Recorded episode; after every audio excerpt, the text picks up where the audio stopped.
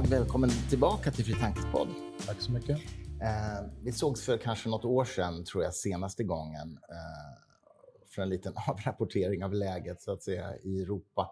Eh, om du bara övergripande kommenterar utvecklingen just nu, hur, hur, hur går det så att säga i kriget mellan eh, det ryska anfallet mot Ukraina? Hur, hur, hur ser läget ut, tycker du?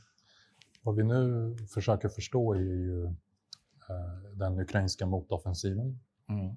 som ju har formellt och officiellt inletts redan för ett antal veckor sedan redan och som pågår. Eh, kontaktlinjen mellan de ukrainska respektive ryska styrkorna har ju inte förändrats oerhört drastiskt, vilket har att göra med att den ryska sidan har hunnit eh, fortifiera, minera något fruktansvärt mm. och, och förskansa sig i de positioner man haft sedan ett år tillbaka. Mm. Men eh, eh, den ryska sidan lider ju väldigt stora förluster. Är det så? Mm. Och det som ukrainarna är inriktade på framför allt är ju inte att återta här och nu stora territorier, utan deras strategi förefaller vara att slå ut den ryska krigsförmågan i första läget. Så man attackerar vapenförråd, depåer, infrastruktur, de här drönarna, attackerna mot Kertjbron exempelvis är ju ett liksom, uttryck för den strategin. Och, eh, man är ju medveten då om, på den ukrainska sidan att eh, det är för tidigt att, att göra stora eh, liksom, attack, motoffensiver så att säga för att återta territorium. Det är möjligt så att eh, man planerar detta, men det är i sådana fall något som kommer komma i ett senare skede när den ryska sidan är mer försvagad. Jag tror att det är det de hoppas på att mm. kunna åstadkomma. Man läser ju också om eh, faktiskt rysk, eller ukrainska drönarattacker i Moskva till och med. Men mm. är det mer liksom av psykologiska skäl än att de har en faktisk liksom, effekt? De har både och. Okay. Eh, eh, även där har man ju attackerat militära mål. Mm. Det kan vara beslutsfattande Eh, liksom enheter av olika slag, eh, eh, militära eller andra myndighetsbyggnader. Men det är också då symbol, symbolvärdet i att en drönare flyger in i ett av tornen på Kreml exempelvis. Ja. Givetvis, det är ju spektakulärt, det är synligt och det påminner den ryska befolkningen om hur misslyckad Putin är eh, som militär strateg mm. som president egentligen. Eh, det är ju syftet i alla fall, att åstadkomma en psykologisk effekt. Mm. Eh, och eh, det är ju väldigt billigt sätt att åstadkomma det på också. Mm. Jo, det är klart. Eh, jag menar, eh, den ryska militären skickar missiler mot ukrainska liksom bostadshus och, och, och andra platser och varje sån missil kostar tiotals miljoner kronor. Mm. Men med några tusenlappar så kan du utrusta en drönare mm. och, och, skicka in på det sättet i, i centrala Moskva. Och det fina med det rent militärt är ju att du behöver inte ens operera de här drönarna. Det finns ju större drönare som, du antagligen, som de antagligen har skickat från det ukrainska territoriet. Mm. Men många av de här mindre drönarna måste ju sannolikt ha opererats i närheten av måltavlan. Aha. Vilket ju visar också på att ukrainarna, den ukrainska militära säkerhetstjänsten i det här fallet, de, Finns opererar inne i Ryssland, ja, på det ryska territoriet. Och det är ju till och med så att det här är ju drönare du kan antagligen köpa i, i Ryssland. Du behöver alltså inte ens försöka, det är ju inte ens någon hemlig teknik du måste försöka smuggla på något vis. Uh, och från liksom bagageutrymmet på en bil så kan du bara kö köra iväg en sån där och försvinna. Så mm. att det är ju oerhört uh, liksom enkelt. Det är ju det som man inom statskunskapen och, så brukar kalla weapons of the weak. Uh, att mm. du har den här asymmetriska krigföringen. Ja, just det, just det. Där, där du använder små maktmedel för att åstadkomma eller små instrument för att åstadkomma en större effekt. Men du, det här är jätteintressant. Bara innan vi fortsätter så glömde jag säga att vi sitter alltså på ett café här nu, eh, så att det kommer vara lite ljud och sådär i bakgrunden. Men vi hoppas att ni lyssnare står ut med det. Man kan höra mig slurpa kaffe. ja, det kan man göra. Men du, eh, du säger att de här drönarna kan man liksom köpa i Ryssland. Men var då? Liksom? ja, i butiker som säljer drönare. Men det går ju att köpa drönare här i Stockholm också. Jo, men de är ju väl inte så stora så de kan bära på riktiga laddningar liksom, eller bomber? de, de här sprängladdningarna behöver inte vara så stora. Okay. Alltså du kan ju, alltså om du bara vill uppnå en visuell effekt så, så räcker det ju med en granat som mm. exploderar vid, vid, när, den, när den vidrör en, en hård yta, så att säga. Ja, just det. det är sant. Ja, så så det, är, är, och det är ju den typen av väldigt små, enkla drönare vi har mm. sett ibland. Okay. Sen har det varit större drönare som Ukraina själva nu eh, har börjat kunna utveckla också. Eh, de är ju duktiga, de har ju en försvarsindustri, en tradition och, och, och, och i detta. Och, de har många unga, liksom, högt motiverade ingenjörer och mm. tekniker mm. som, som är inblandade i det här. Mm. Så, äh, och sen så har du ju såklart äh, de här riktigt äh, populära turkiska Bayraktar-drönarna som jag har åstadkommit tidigare väldigt stor effekt där de har kunnat sättas in. Mm. Och det är ju väldigt, ja, det är ju militärt så att säga, yrke med väldigt seriösa saker som mm. inte såklart går att plocka från en hylla. Ja, Men det, det, visar på spännvidden i vad de använder sig av. Men det, en av de kanske mest dramatiska saker som har hänt sen du gästade på den här podden förra gången, det är ju faktiskt Wagnergruppens myteriförsök, ja. eller vad man ska kalla det. Ja. Vad fasen, alltså, jag, jag satt ju som fullständigt klistrad den dagen vid, mm. vid medierna. Vad fasen handlade det där om egentligen? Ja, det började ju på fredag kväll någon gång. Uh, uh, midsommar, va? Ja, dagen före midsommar, kvällen före midsommar. Mm. Och uh, sen pågick det hela lördagen och uh, på något sätt så avrundades det på söndag. Ja. Uh, och det, det, ska, man får väl er tillstå det helt enkelt att vad vi har sett, hur det här, på det sättet som det slutade, tyder ju på att det finns saker här som vi inte vet helt enkelt. Mm. Alltså hur kommer det sig att Vladimir Putin på fredagen står i, i, i live-tv och säger att det här är förrädare, vi ska hantera dem som liksom sådana. Mm. För att sen på söndagen, eh, eh helt till synes i alla fall, ha vänt. Mm. Bjudit in Wagner, inklusive Prigozjin, till ett möte i Kreml. Och, och nu för en vecka sedan så hade man det här rysk-afrikanska mötet i Sankt Petersburg där Prigozjin var en av de ryska representanterna för att Wagner är ju väldigt synliga i just Afrika. Inte minst i Nordafrika har de ju opererat i flera års tid. Så nu vet man vad han är alltså? Uh, mer eller mindre. Han har ju definitivt inte landsförvisats i alla fall.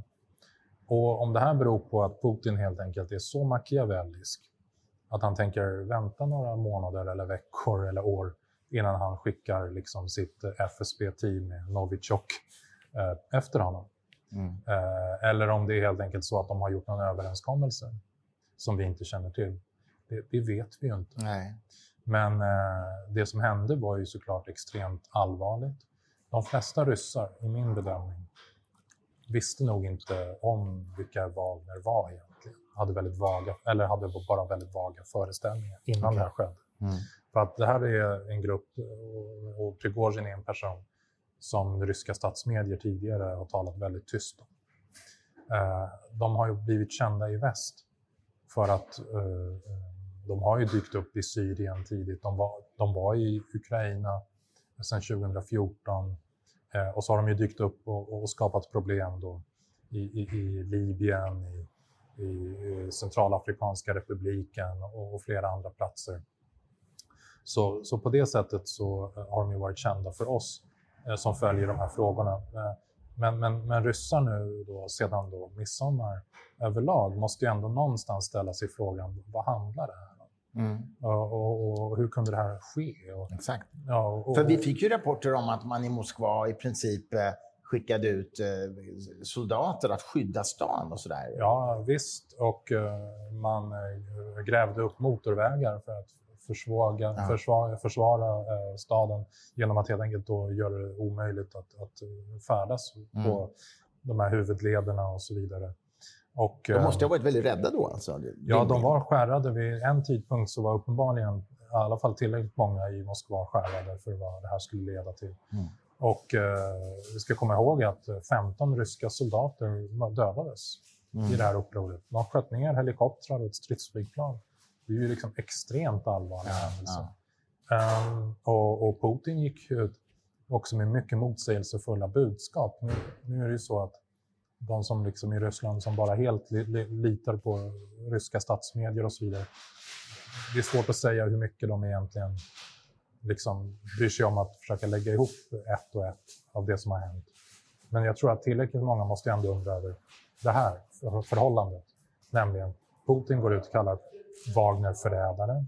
Samtidigt så berättar han i en annan presskonferens eh, senare, några dagar senare, att Wagner har fått flera hundra miljoner i den ryska statsbudgeten. Mm.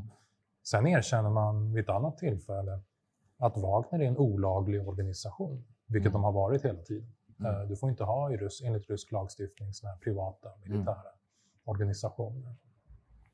Eh, men eh, det här är ju en kognitiv dissonans, det går mm. inte ihop. Liksom. Eh, varför har Putin beviljat eh, liksom, miljardbelopp till, till landsförrädare och, och som är en olaglig organisation och sådär? Vad är det som händer och så? Det, det, det har ju liksom inte någon i, i, det officiella ryska systemet haft något intresse av att förklara. Men det är ju den ena stora gåtan. Då. Den det andra är ju just eh, vad som kommer hända härnäst med, med Prigozjin och med de här Wagner-styrkorna. Um, det kan ju, en hypotes är att Putin tycker i slutändan att de är så pass användbara att han vill behålla dem. En annan är att uh, Prigozjin och han går tillbaka så lång tid att uh, de, de, har en vänskaps eller liksom någon typ av band till varandra. Fast det är ju konstigt de, efter, de har efter vad varandra, han har sagt. Liksom. De har ju liksom. känt varandra i över 30 års mm. tid. Jo, men efter vad Prigozjin har sagt. Liksom. Mm, nej, nej, jag vet. Låter, det, ja. det, det, är märkligt. Alltså det, mm. det, är, det här vi, vi får helt enkelt bara erkänna att Kreml eller Moskva i det här fallet för oss är en svart låda. Mm. Kan, det är för tidigt att säga exakt mm. vad som har hänt. Mm. Ja. Tror du att det kan vara så att, att Prigozjin inte vågar... Han måste ju förstå att han i alla fall inte kanske går jättesäker. Men att, kan det vara så att han inte vågar lämna landet liksom och fly och sätta sig själv i säkerhet? Har han familj till exempel? Ja, det vet jag faktiskt inte exakt hur hans eh, familjesituation mm. ser ut. Ehm, det har jag aldrig reflekterat över, men det är ju fullt möjligt. Han, han, har, han, har, han, har, han har en, han har, nu har jag glömt deras namn, mm. men hans föräldrar ska ha varit förhållandevis, inte liksom superetablerade sovjetiska eh, pampar, pampar mm. men, men hyfsat mm. okay. inom, inom liksom, eh, vad ska man säga, det, det liksom halva akademiska litterära sfären. De är alltså så kallade intellektuella enligt det ryska sättet att mm. prata om det. Um, Men själv, själv är han väl liksom halvkriminell ja, även hans tidigare? Så att säga. som kriminell i, i gamla Leningrad, mm. i Sankt Petersburg. Och dömdes ju till nära tio års fängelse i början av 80-talet för mm. ja, eh, koppleri och, och stöld och annat. Just det. Uh, och sen så började han då sin cateringfirma och det var där någonstans omkring det, den här tidpunkten i början av 90-talet i Sankt Petersburg som, som Putin och Prigozjins vägar korsades. Mm. Så det, Putin är ju liksom känd för det, att, att han har i stor grad förlitat sig på människor han har känt under väldigt lång tid, ofta från den här tiden i Sankt Petersburg. Mm. Och, det gäller ju även de här personerna han omger sig med allra mest. Eh, tidigare FSB-chefen Patrushev och Dmitrij Medvedev, hans tidigare ställföreträdande president och så vidare. Har Medvedev, Medvedev vad heter han? Med, Medvedev. Med, Medvedev. Har han um, någon koppling till Sverige? Eller blandar jag ihop det med någonting? Alltså att han pluggat här eller något sånt? Nej. Mig veterligen ingen känd okay. koppling. Nej, okay. Nej, jag kanske tänker fel. Men, eh, men okej, okay, så du, du tänker att det ändå kan vara gamla vänskapsband som gör att han inte är mördad, så att säga? Ja, det, det, vi kan bara spekulera om mm. den saken i dagsläget. Mm. Men Wagnergruppen då, det vill säga soldaterna, mm. eh, var finns de nu då? Utspridda till synes. Eh, de, många av dem är ju döda sedan väldigt lång tid. Utspridda mm. på ukrainska fält och ja. i gravar i mm. Ryssland. Mm. Sen ehm, eh, en del av dem verkar ju befinna sig i Belarus. Mm. Eh, där, de, tydligen, där, där Lukasjenko verkar vara inte särskilt nöjd med att de där. Han vill inte betala för deras uppehälle. Och, mm. och, och många av de här nu nytillskotten som har kommit in i Wagner sedan ett år tillbaka eh, är ju rekryterade från ryska fängelser. Mm. Så det är ju inte säkert att det är liksom den här typen av personer du vill ska stryka runt i, i städer. Nej, och, och, en del av, det finns ju en del bevisligen då, veteraner då, inom Wagner som från det att de har tjänstgjort i Ukraina och kommit tillbaka till sina hemstäder eller hembyar har återfallit i grova brott och så vidare. Mm. Eh, så att eh, det här är ju Wagner och, och, andra liknande grupper som Putin använder sig av är ju liksom på något sätt eh, också en, en, en hasard, en, en, liksom en dynamitladdning som kan explodera både här och där. Ja. Eh, när man förlitar sig på människor som, som liksom har till exempel grov kriminell bakgrund eller helt enkelt också kan ha radikaliserats i sina politiska uppfattningar och, liksom, och så sätter man vapen i händerna på dem och, och så vidare. Um, exakt vad Prigozjin försökte också uppnå med det här upproret eller då marschen mot, mot Moskva är ju också fortfarande lite höljt i dunkel. Det, det är svårt att se liksom logiken i det. För att det är en form av utspel som ju var en form av agerande som ju var också dömt att misslyckas. Man hade de inte stannat så hade det blivit blodbad utanför Moskva. Och det, det är ju långt ifrån säkert att Prigozjin hade gått, eh, liksom, ja, lämnat den scenen i, i livet. Mm. Men du, tillbaka till det här med de här operationerna inne i Ryssland och till och med i Moskva. Du säger att troligtvis har Ukraina liksom folk i Moskva som opererar på Ukrainas ja, uppdrag. Och det, det är ju någonting som de säkert har haft under en längre tid. Mm. Det är bara att nu har de blivit mycket mer aktiva. Mm. Men är det inte också omvänt då, att ryssarna har operation inne i jo, absolut. Kiev? Folk? Och det, det var ju någonting minst, eh, det var ju inte minst någonting som var en oerhörd fara just i uh, slutet av februari förra året. Mm. Uh, I och med att den ryska krigsplanen inbegrep, där in, den inbegrep ju då planer på att arrestera, möjligtvis låta avrätta den politiska ledningen i Kiev. Menar det fanns du nog ju, det fanns ju, månaden när kriget började? Ja, alltså, alltså för två år sedan? Ja, mm. alltså februari 2022. Ah, ja, 24 mm. februari, mm. då anfallet, den här stora invasionen, ja. inleddes. Så eh, det har ju varit fall, det har ju varit flera mordförsök, attentat mot Zelensky och ja. säkert andra i den politiska ledningen. Och, och det har ju varit eh, regelbundna ryska missilangrepp mot, eh, också mot ukrainska mm. liksom, militära liksom, ja, enheter. Och, och deras... även drönarangrepp, eller? Ja, mm. absolut. Um, så att, alltså med eh, sådana små drönare som måste vara opererade inifrån, eller? Det, det vågar jag inte uttala mig om. Men, och, och, och, det där var ju en oerhörd fara för Ukraina, för det var ju ganska sent de fick luftförsvar. Mm. Så att de, har kunnat, de kan skjuta ner en majoritet av alla missiler som kommer. Men uh, tyvärr så är det ju många nog som landar mot, uh, ofta då, ja, uh, inte bara bostadshus och så vidare, men mot exempelvis eh, infrastruktur och annat, mm. ekonomiska mål för att slå sönder liksom, den ukrainska ekonomin. De som landar i, i bostadshus, tror du att det är också är avsikten att de ska landa i bostadshus? Eller har de eh, som, regel är, som regel får vi utgå från att det är det tilltänkta målet. Mm. För att eh, eh det, går inte, det, går inte att, det går inte att avfyra en, sådan, en missil av den kvaliteten med, sådan, med, med, med, så pass låg... De, de har ganska hög träffsäkerhet. Mm. De, kan program, de kan styras ganska väl. Mm.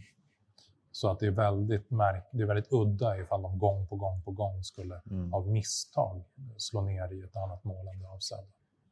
Men du, hur kommer det sig att Zelensky liksom fortfarande lever? Alltså? Det... Ja, men det är ju för att han har ett väldigt starkt skydd och eh, givetvis vidtar extrema försiktighetsåtgärder. Ah.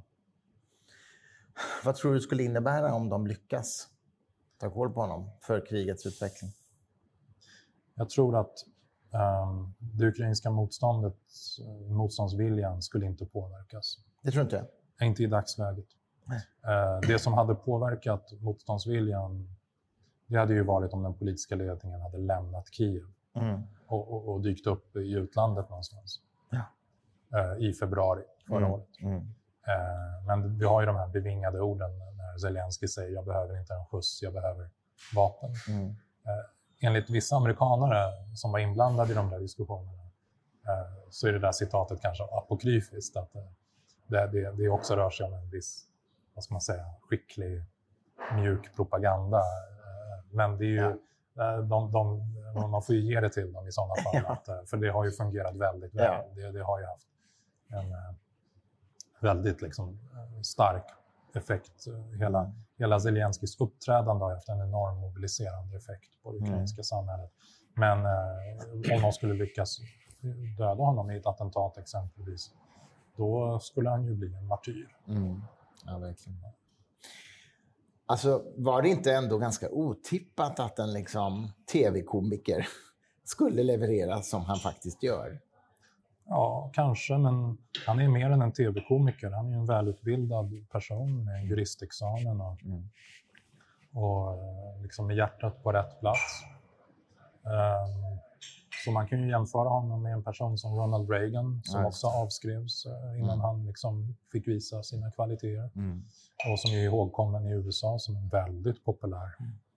president. Mm. Jo, verkligen. Det är sant. Och, uh, det, um, så, men man, med det sagt så är det ju så att det fanns frågetecken fram till egentligen februari förra året.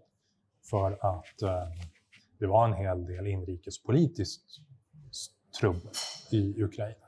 Ja, nu är man mycket mer enade, men, men eh, Zelensky ägnade tyvärr, och det var, det var ju enligt klassiskt, vad ska man säga, postsovjetiskt mönster, men han ägnade en del kraft åt att använda exempelvis eh, rättsorgan för att sätta dem efter hans, sina politiska, politiska motståndare och så vidare. Och det, så det har man ju lagt av med nu. Nu är man ju mycket mer enad. Men tidigare presidenten Petro Poroshenko hade ju exempelvis eh, eh, liksom, myndigheter efter sig och så där, i vad som förefaller ha varit liksom, ändå ganska polit, liksom, rättsligt tvivelaktigt. Ja.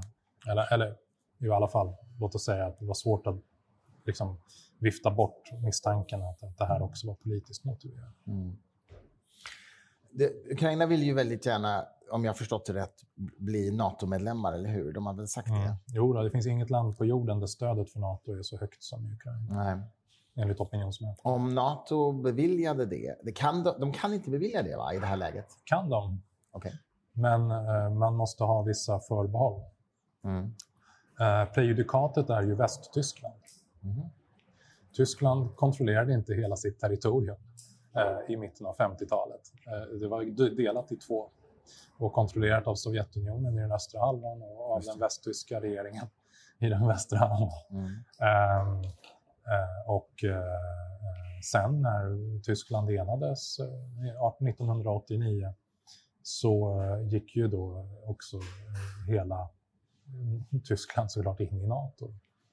De gick inte in i Warszawapakten, kan man i alla fall konstatera. Mm. Och så att eh, det har, ju hela tiden, man, det har man ju hela tiden förhållit sig till.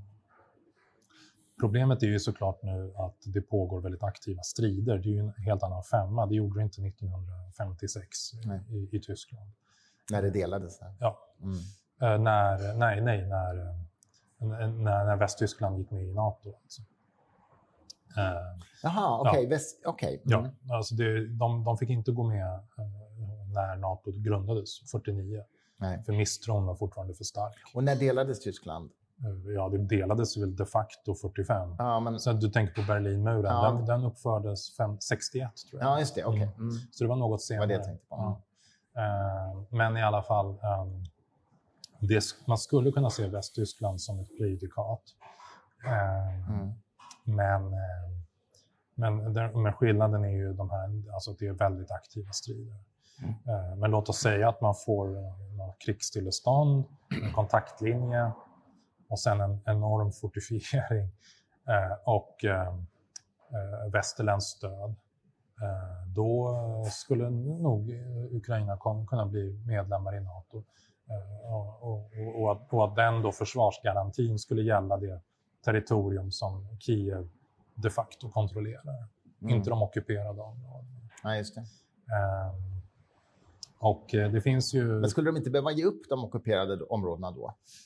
Man skulle väl betrakta dem som eh, eh ockuperade helt enkelt mm. på uh, ja, liksom oklar tid. helt enkelt. Men skulle NATO då verkligen, skulle inte NATO vara skyldig att göra någonting åt det då? Nej. Om de är ett NATO-land? Nej, nej, det, det, det, behöver de inte vara. Men nej. man kan ju betrakta det område som Ukraina de facto kontrollerar mm. som att det faller under artikel 5. Okay. Mm. Ja. Eh, och eh, det skulle ju ha två fördelar. Eh, det ena är den militära tryggheten. Ryssland har aldrig attackerat ett NATO-land. Eh, den andra fördelen eh, skulle vara ekonomisk. Alltså det är ju väldigt mycket fokus också idag såklart av naturliga skäl på Ukrainas ekonomiska återuppbyggnad. Mm. Och, och det, den frågan kommer bara bli viktigare och viktigare. Och den största frågan för utländska företag är givetvis hur vet vi att inte det kommer en rysk eh, missil och landar i liksom en industrianläggning som vi uppför någonstans i landet. Mm. Uh, och uh, ett NATO-medlemskap skulle ju skapa en trygghet ja, för investeringar. Men skulle inte det vara oerhört provocerande för Ryssland om, man, om detta skedde? Jag tror att vi ska måste separera Ryssland här från, från liksom Kreml eller från den politiska ledningen. Mm. Um, det skulle väl vara någonting som de säkert skulle säga uh, är provocerande. Um, men uh, faktum är ju att uh, de inte egentligen har med saken att göra. Nej. Det som provocerar mig är ju det folkmord som Vladimir Putin var i stånd att iscensätta och fortfarande är beredd att fortsätta eh, mot det ukrainska folket. Eh, och frågan är hur förhindrar vi honom att uppnå sina mål? Och det gör vi genom att stötta Ukraina. Eh, och det är inte bara militärt, det är ju en, det, det, det är ju en mångsidig eh, typ av eh, liksom, aktivitet som krävs för att stödja Ukraina. Det, det är politiskt, diplomatiskt, ekonomiskt, men det har ju också eh, eh, uppenbara militära komponenter. Eh, det finns ju en diskussion också i väst om huruvida det är rätt att stödja Ukraina militärt och hur mycket i sådana fall och så vidare. Och min uppfattning är ju att det militära stödet för det första är ju folkrättsligt eh, fullständigt eh, okontroversiellt. Det sker inom rätten för självförsvar, artikel 51 i FN-stadgan. Mm. Men det ligger också i Ukrainas och västs intresse att Putin stoppas. Vi har ett gemensamt väldigt starkt intresse. Mm. Så att för mig är det okontroversiellt. Eh, och framför allt är det ju inte minst luftförsvar. Mm. Rent defensiva vapen som behövs. Vi måste, man måste kunna skjuta ner kryssningsmissiler som riktas mot skolor och Eh, tågstationer mm. och, och, och spannmålsförråd och hamnar och annat. Mm. Ja, just det. Men, men om jag förstår det rätt så tänker du att det måste, det måste till någon form av stillestånd i krigsföringen för att det skulle vara möjligt? Med NATO-medlemskap? Ja, men, ja, antagligen. Mm. I praktiken. Uh, ja. Någon slags överenskommelse om eldupphör? Ja, ja, ja. Det, antagligen i praktiken är det så. Mm, mm. Jag tror inte du kan få tillräckligt många länder i alla fall nu att gå med på ett ukrainskt medlemskap. Och det märkte man ju. Det diskuterades ju i Vilnius på toppmötet här i juli. Mm, mm. så den frågan är ju liksom hanterad på något sätt. Mm. Du, um, apropå Nato då, Sveriges NATO-medlemskap. Ja. Vad va, va, va, tror du om processen? Alltså, Erdogan har ju sagt oktober nu. Mm. Men sen så har det ju bränts lite koraner och gått demonstrationståg i Pride som han inte gillar. Ja. Står han vid sitt löfte? Jag är ingen stor, på något sätt någon Turkiet-kännare. Eh, men eh, det skulle vara väldigt svårt när man har skakat hand eh, med inte bara Ulf Kristersson utan också med Jens Stoltenberg. Mm. Att helt bara begrava det löftet och låtsas som att det regnar. Um, rimligtvis har han ju varit förberedd på att det ska kunna komma mm. ytterligare koranbränningar och annat, för han vet vad för typ av land Sverige är. Uh, och att den typen av opinion finns här är ingenting som han kan chockas av, mm. rimligtvis. Och, och sen vad gäller den här så kallade upprördheten i Mellanöstern, så ska man komma ihåg att uh, det, det ju, finns ju politiska krafter som mobiliserar i den här frågan. Mm. Och det är ju framförallt Iran och Iran-sympatiserande länder i Mellanöstern som har varit pådrivande. Det är ju ingen slump att det var i Bagdad eh, eh, som eh, du hade det, att det första angreppet på ambassaden. Och sen är det ju då ayatollan eh, Khamenei eller vad han heter då i Iran och sen högsta religiösa ledningen och sen har du Hizbollah som är Iran proxy som ju också mm. har varit ute i det här. De sunnimuslimska länderna har legat mycket lägre. Mm. Klart att de inte gillar koranbränningar men, men att det här skulle vara så avgörande för Erdogan att han är beredd att eh, fullständigt underminera sina relationer till NATO. Det har jag lite svårt att se, men, men vem vet? Mm. Jag, menar, jag, jag kan inte bedöma det. Var en annan fråga, förlåt nu fortsätter jag mm, mm. bara babbla på. Ja, men det är bra. Men det har ju diskuterats vad Rysslands eventuella Jag tänkte just säga det. Ja. Alltså, eh, det är ju också väldigt svårt att se lite utifrån. Jag tror att där, måste man, där har den svenska regeringen sannolikt förlitat sig på den information de har fått från sina eh, ambassader i regionen som observerar vad som sker medialt och politiskt och så vidare. Och Ryssland har ju såklart framförallt med Iran, en väldigt stark politisk relation idag. Eh, Iran stöttar ju Ryssland i kriget mot Ukraina. Det är i mm. princip det enda landet, förutom då Ryssland själva, som ju levererar tunga vapen till, till Ryssland. Mm. Och ehm, eh, vad kan de ha gjort då? Antagligen har de ju använt sina mediekanaler på de här olika språken i regionen, arabiska och, och farsi och så vidare. Eh, eh, för att eh, förstärka helt enkelt den här Sverigekritiska rapporteringen. Mm. Och de har säkert lyft fram liksom, all, all typ av information som, som är ofördelaktig för Sverige som de kan hitta. Sen har jag ju sett Putin vara ute och gjorde liksom ett så allmänt uttalande om att ja, det här med koranbränningar, det är ingenting vi överhuvudtaget skulle tolerera i Ryssland. Vi omfamnar, liksom, vad ska man säga, alla liksom traditionella eh, religioner och vi värnar liksom även islam och så vidare som en av de religionerna. Han, han berättar ju ingenting såklart i det sammanhanget om att religiösa grupper som exempelvis Jehovas vittnen är en av de mest förföljda grupperna i Ryssland. Mm. Så det är ju inte så att han är någon stor liksom, anhängare av religionsfrihet i största allmänhet.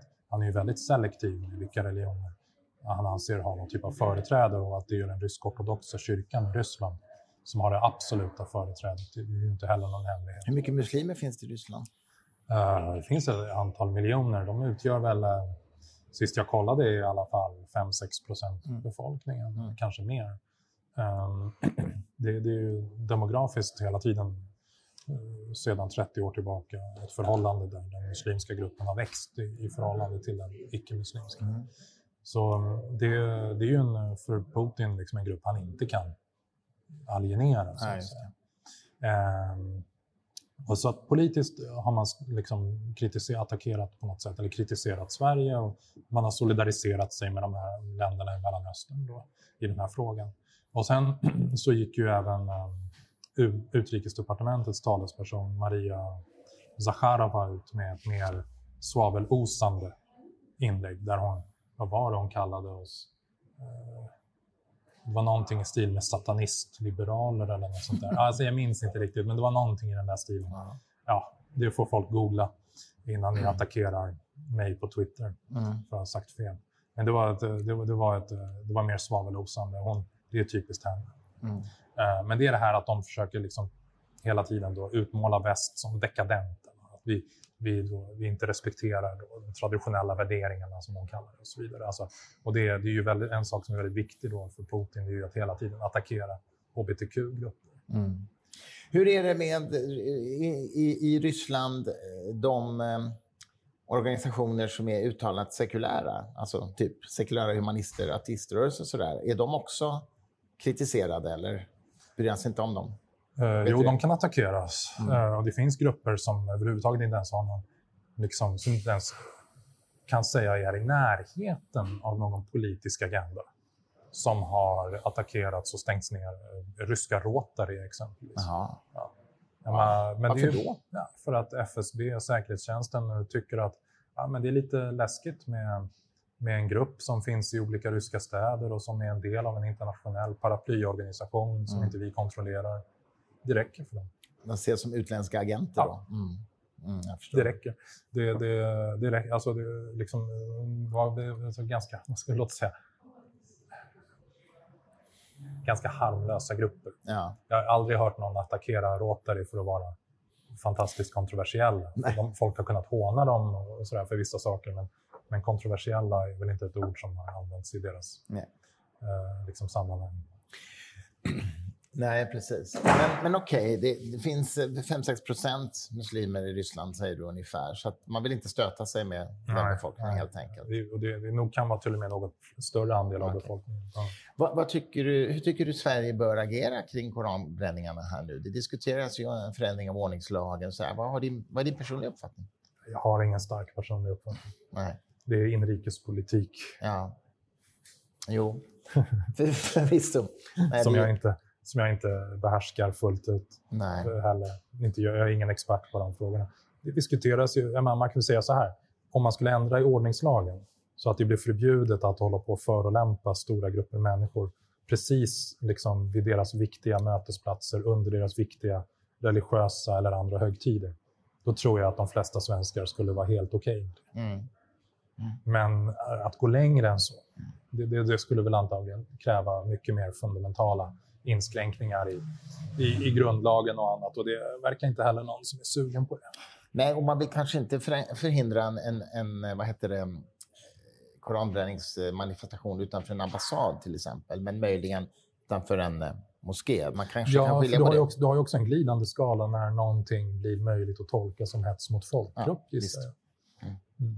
Det är ju allt, alla lagrum tolkas ju alltid i en slags kulturell kontext. Mm. Och, och för 60-70 år sedan så tror jag att en sån här aktion hade varit fullständigt omöjlig att genomföra. Ja. Jo, men visst, du har rätt i det. Jag skrev ju om det här på DN Kultur för ett par veckor sedan också. Att det är klart, det är väl ingen som tycker att det är rimligt att ge nazister rätt att demonstrera utanför en judisk nej. skola för barn, nej. till exempel. Så att det, ja, nej men precis. Men det, det, det intressanta är ju bara så att säga vilken motiv man har bakom en sån lag. Mm. Alltså. Det har ju diskuterats huruvida ryska påverkans faktorer ska ha spelat någon roll här också ja. i den svenska kontexten. Vad tror du? Jag har inte sett några övertygande belägg för det. Eh, att eh, personer som har varit med och arrangerat någon koranbränning eh, eh har ett förflutet av att ha gjort, låt oss säga, proryska uttalanden. Det är inte, det är inte ett belägg för att eh, Ryssland har varit inblandat. Eh, det, det, liksom, det funkar inte på det sättet. Hade Ryssland varit inblandade då tror jag att vi hade, alltså om de hade haft liksom någon typ av tydlig inblandning, då tror jag att vi hade sett te andra tecken på det. Mm. Till exempel mycket mer ihärdiga ryska statsmediala kampanjer. Mm. I, när det har varit tidigare ryska påverkansoperationer, som 2015-2016, så försökte de ju påverka med massa, då spred de ju massa falska dokument och, och propaganda om Sverige. Antagligen för att påverka då det svenska närmandet till Nato i det här NATO-värdlandskapsavtalet. Eh, som då undertecknades 2016. Och det där dokumenterade jag i en forskningsartikel som gjorde Aftonbladets kultursida väldigt upprörda. Det, vissa kanske minns den ja. diskussionen, så kallade, så kallade diskussionen. Mm. Och, eh, och, och, och, det är det jag menar, det finns vissa beteendemönster som går igen varje gång Ryssland bedriver påverkansoperationer. Och jag har, inte, jag har i alla fall, det kan vara så att jag missat saker, men jag har inte kunnat se de här några tecken på en sån påverkansoperation nu. Mm. Vanligtvis är inte ryssarna så subtila. Nej. Eh, tror, tror, du att, tror du att det finns krafter i Putins närhet som liksom väntar på en möjlighet att avsätta honom? Ja, garanterat. Så är det i alla såna här autokratiska styren. Mm. Det vanligaste sättet att få ett maktskifte är ju att autokraten dör eller att du har, eh, av en eller annan anledning, eller att du har en palatskupp. Mm. Det är ju de två vanligaste sätten att, att byta ut makten i landet. Mm. Så att eh, det finns garanterat. Och den stora intressanta frågan är ju eh, vem det i sådana fall blir. Mm. Eh, finns det några kandidater? det finns vissa saker vi vet med säkerhet det är att om presidenten av någon anledning inte längre kan styra på grund av död eller något annat, någon annan orsak, då måste man enligt konstitutionen eh, utlysa ett nyval inom tre månader. Och du får en tillförordnad president och den personen är premiärministern. Mm. Och den personen har då en uppgift, det är att då se till att landet genomför ett nyval. Mm. Eh, och, och, premiärministern är inte så känd idag i, i väst, tror jag. Han, för att han syns inte så mycket. Han håller väldigt låg profil. Vad heter han? Mishustin. Mm. Uh, och han är i grund och botten en teknokrat. Putin har ju liksom... En anledning till att Putin har liksom kunnat klara sig med sin politik under så här lång tid är att han har omgett sig av dels hökar, och, och som är liksom rena tokstollarna, mm. från FSB och så vidare. Sen har du de här teknokraterna. FSB då? Ja, säkerhetstjänsten. Ja, Sen så har du ju då teknokraterna eh, som också har suttit i, på viktiga platser, alltså som finansminister eller premiärminister eller den typen av positioner där du inte kan strula och där du inte kan vara galen. så att säga. Va? Du måste få ihop en statsbudget, mm. du måste kunna göra sådana saker, mm. Mm. styra landet. Och, eh, eh, och de människorna är ju antagligen också, vi får utgå från att det är de minst hökaktiga i den här kretsen. Mm. Ehm, det skulle ju vara önskvärt om eh, Ryssland hade en sån person som president. Ehm, och det som talar för det efter Putin är ju att det kan finnas ett uppdämt missnöje med den riktning landet har gått. Mm. Man anser att det har gått för långt. Mm. Det är inte så att Ryssland kommer liksom bli en demokrati och västvärldens bästa vän dagen Putin försvinner. Yeah. Men de vill få ner konfliktnivåerna för att det här, skad, det här skadar ju Ryssland enligt deras synsätt såklart oerhört mycket. Mm. Men faktum är att vi vet inte. Jag menar, det finns ju vissa länder som Iran som har pendlat i 40 års tid mellan att ha, vad ska man säga, mer eller mindre hökaktiga mm. ledare i toppen. Uh, och, och, vi kan utgå från att Ryssland egentligen skulle kunna under lång tid, under årtionden, fortsätta i samma mönster. Uh, att det är olika grader av auktoritärt, men aldrig demokratiskt. Mm. Okej, okay. avslutningsvis då om du jämför med din, vad ska vi säga, prognos eller optimism när vi pratades vid för ett år sedan. Hur, hur, går, hur är läget i Ukraina? Hur tycker du att det går? Var jag optimist för ett år sedan? Nej, nej, det, det, nej utan snarare vad, har din bedömning förändrats sedan dess? Snarare? Nej, det har jag inte i grunden. Mm. Eh, alltså från det att det var uppenbart att anfallet mot Kiev skulle misslyckas. Mm. låt oss säga första veckan, första två veckorna i mars mm. förra året. Uh, då stod det för mig klart att det här kommer bli en långvarig, utdragen konflikt. Ja. Uh, helt enkelt för att Putin enligt sin logik kan inte backa. Mm. Det skulle vara kapitulation. För att han har formulerat hela krigets bevekelsegrund som ett existentiellt krig. Och du kan mm. liksom inte bara backa ur ett krig som är, han påstår handlar om Rysslands överlevnad, även om det såklart inte gör det. Mm det är svårt politiskt att göra det för honom. Mm. Det andra eh, som har hänt är ju också i den som förstärker den tendensen är ju att man har erkänt då enligt ryskt synsätt då, eh, förutom Krim då även Donetsk, Luhansk, eh, Zaporizjzja och Cherson län som en del av Ryssland mm. trots att man inte fullt ut kontrollerar de här länen. Och då säger de då att en utgångspunkt för en fredsförhandling med Ukraina måste gå ut på att Ukraina erkänner de här områdena som ryska och det är fullständigt absurt. För att i alla krig så är det antingen, är det så här, antingen kan du hänvisa till folkrätten som princip och säga att det här är liksom vårt territorium. Och det, det, det, hela världen anser det. Alternativt så har du ju så att säga, fakta på marken. Ungefär som Ryssland skapade 2014. De de facto kontrollerade ju Krim. Mm. Ingen kunde ifrågasätta det. Mm. Det kunde de ha i utgångspunkt i en förhandling. Men du kan ju inte säga liksom, ja, jag erkänner eh, Jylland som som ryskt territorium och, och, och alla nu måste erkänna det här anspråket eh, för en fredsförhandling. Mm. Det, det liksom funkar inte på det sättet Nej. i krig. så eh, med den inställningen, med, den, med det ingångsvärdet, så är den ryska, vad de egentligen säger är att vi kommer fortsätta kriga så länge det behövs. Och den ukrainska utgångspunkten är ju egentligen identisk, fast av andra skäl. De kämpar för sin nationella överlevnad. Mm. Uh, och, och, det som kan liksom möjligtvis, när vi möjligtvis kan se en förändring, uh, det skulle kunna vara, om det sker någon, så tror jag att det tidigast kommer ske någon gång uh, kring årsskiftet. när det blir så pass kallt igen att det blir svårt att bedriva några större militära operationer. Mm. Och, och, och, de kommer kunna utvärdera hur den här motoffensiven har gått och så vidare. Uh, men uh, det, kan, det, det, det, är absolut ingen garanti bara för att vädret förändras. Att kriget sen inte fortsätter, givetvis. Nej. Men, men tror du att Ukraina vinner? I någon mening? I, I någon mening har de redan vunnit. Okay. För de har förvägrat Putin att uppnå vad som var hans egentliga mål. Mm. De har överlevt som stat, mm. precis som Finland gjorde i, i vinterkriget. Sen eh, eh, så är det ju givetvis en mycket stor orätt som har begåtts ifall de inte fullt ut kommer att kunna kontrollera hela sitt territorium. Mm. Eh, och den orätten kommer att ha konsekvenser folkrättsligt och säkerhetspolitiskt för lång tid framöver. Väldigt negativa konsekvenser för hela Europa. Eh, men eh, eh Putin har förlorat. Han är en förlorare. Mm. Han kommer gå till historien, inte som en befriare, utan som en tyrann.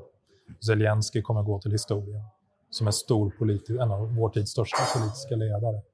På det sättet har ju Ukraina redan vunnit. Det tycker jag är utmärkta slutord. För den här gången, Martin mm. Krag, stort tack för att du var med. Vi får nog anledning att återkomma igen snart. Ja, verkligen. Tack så mycket. Tack.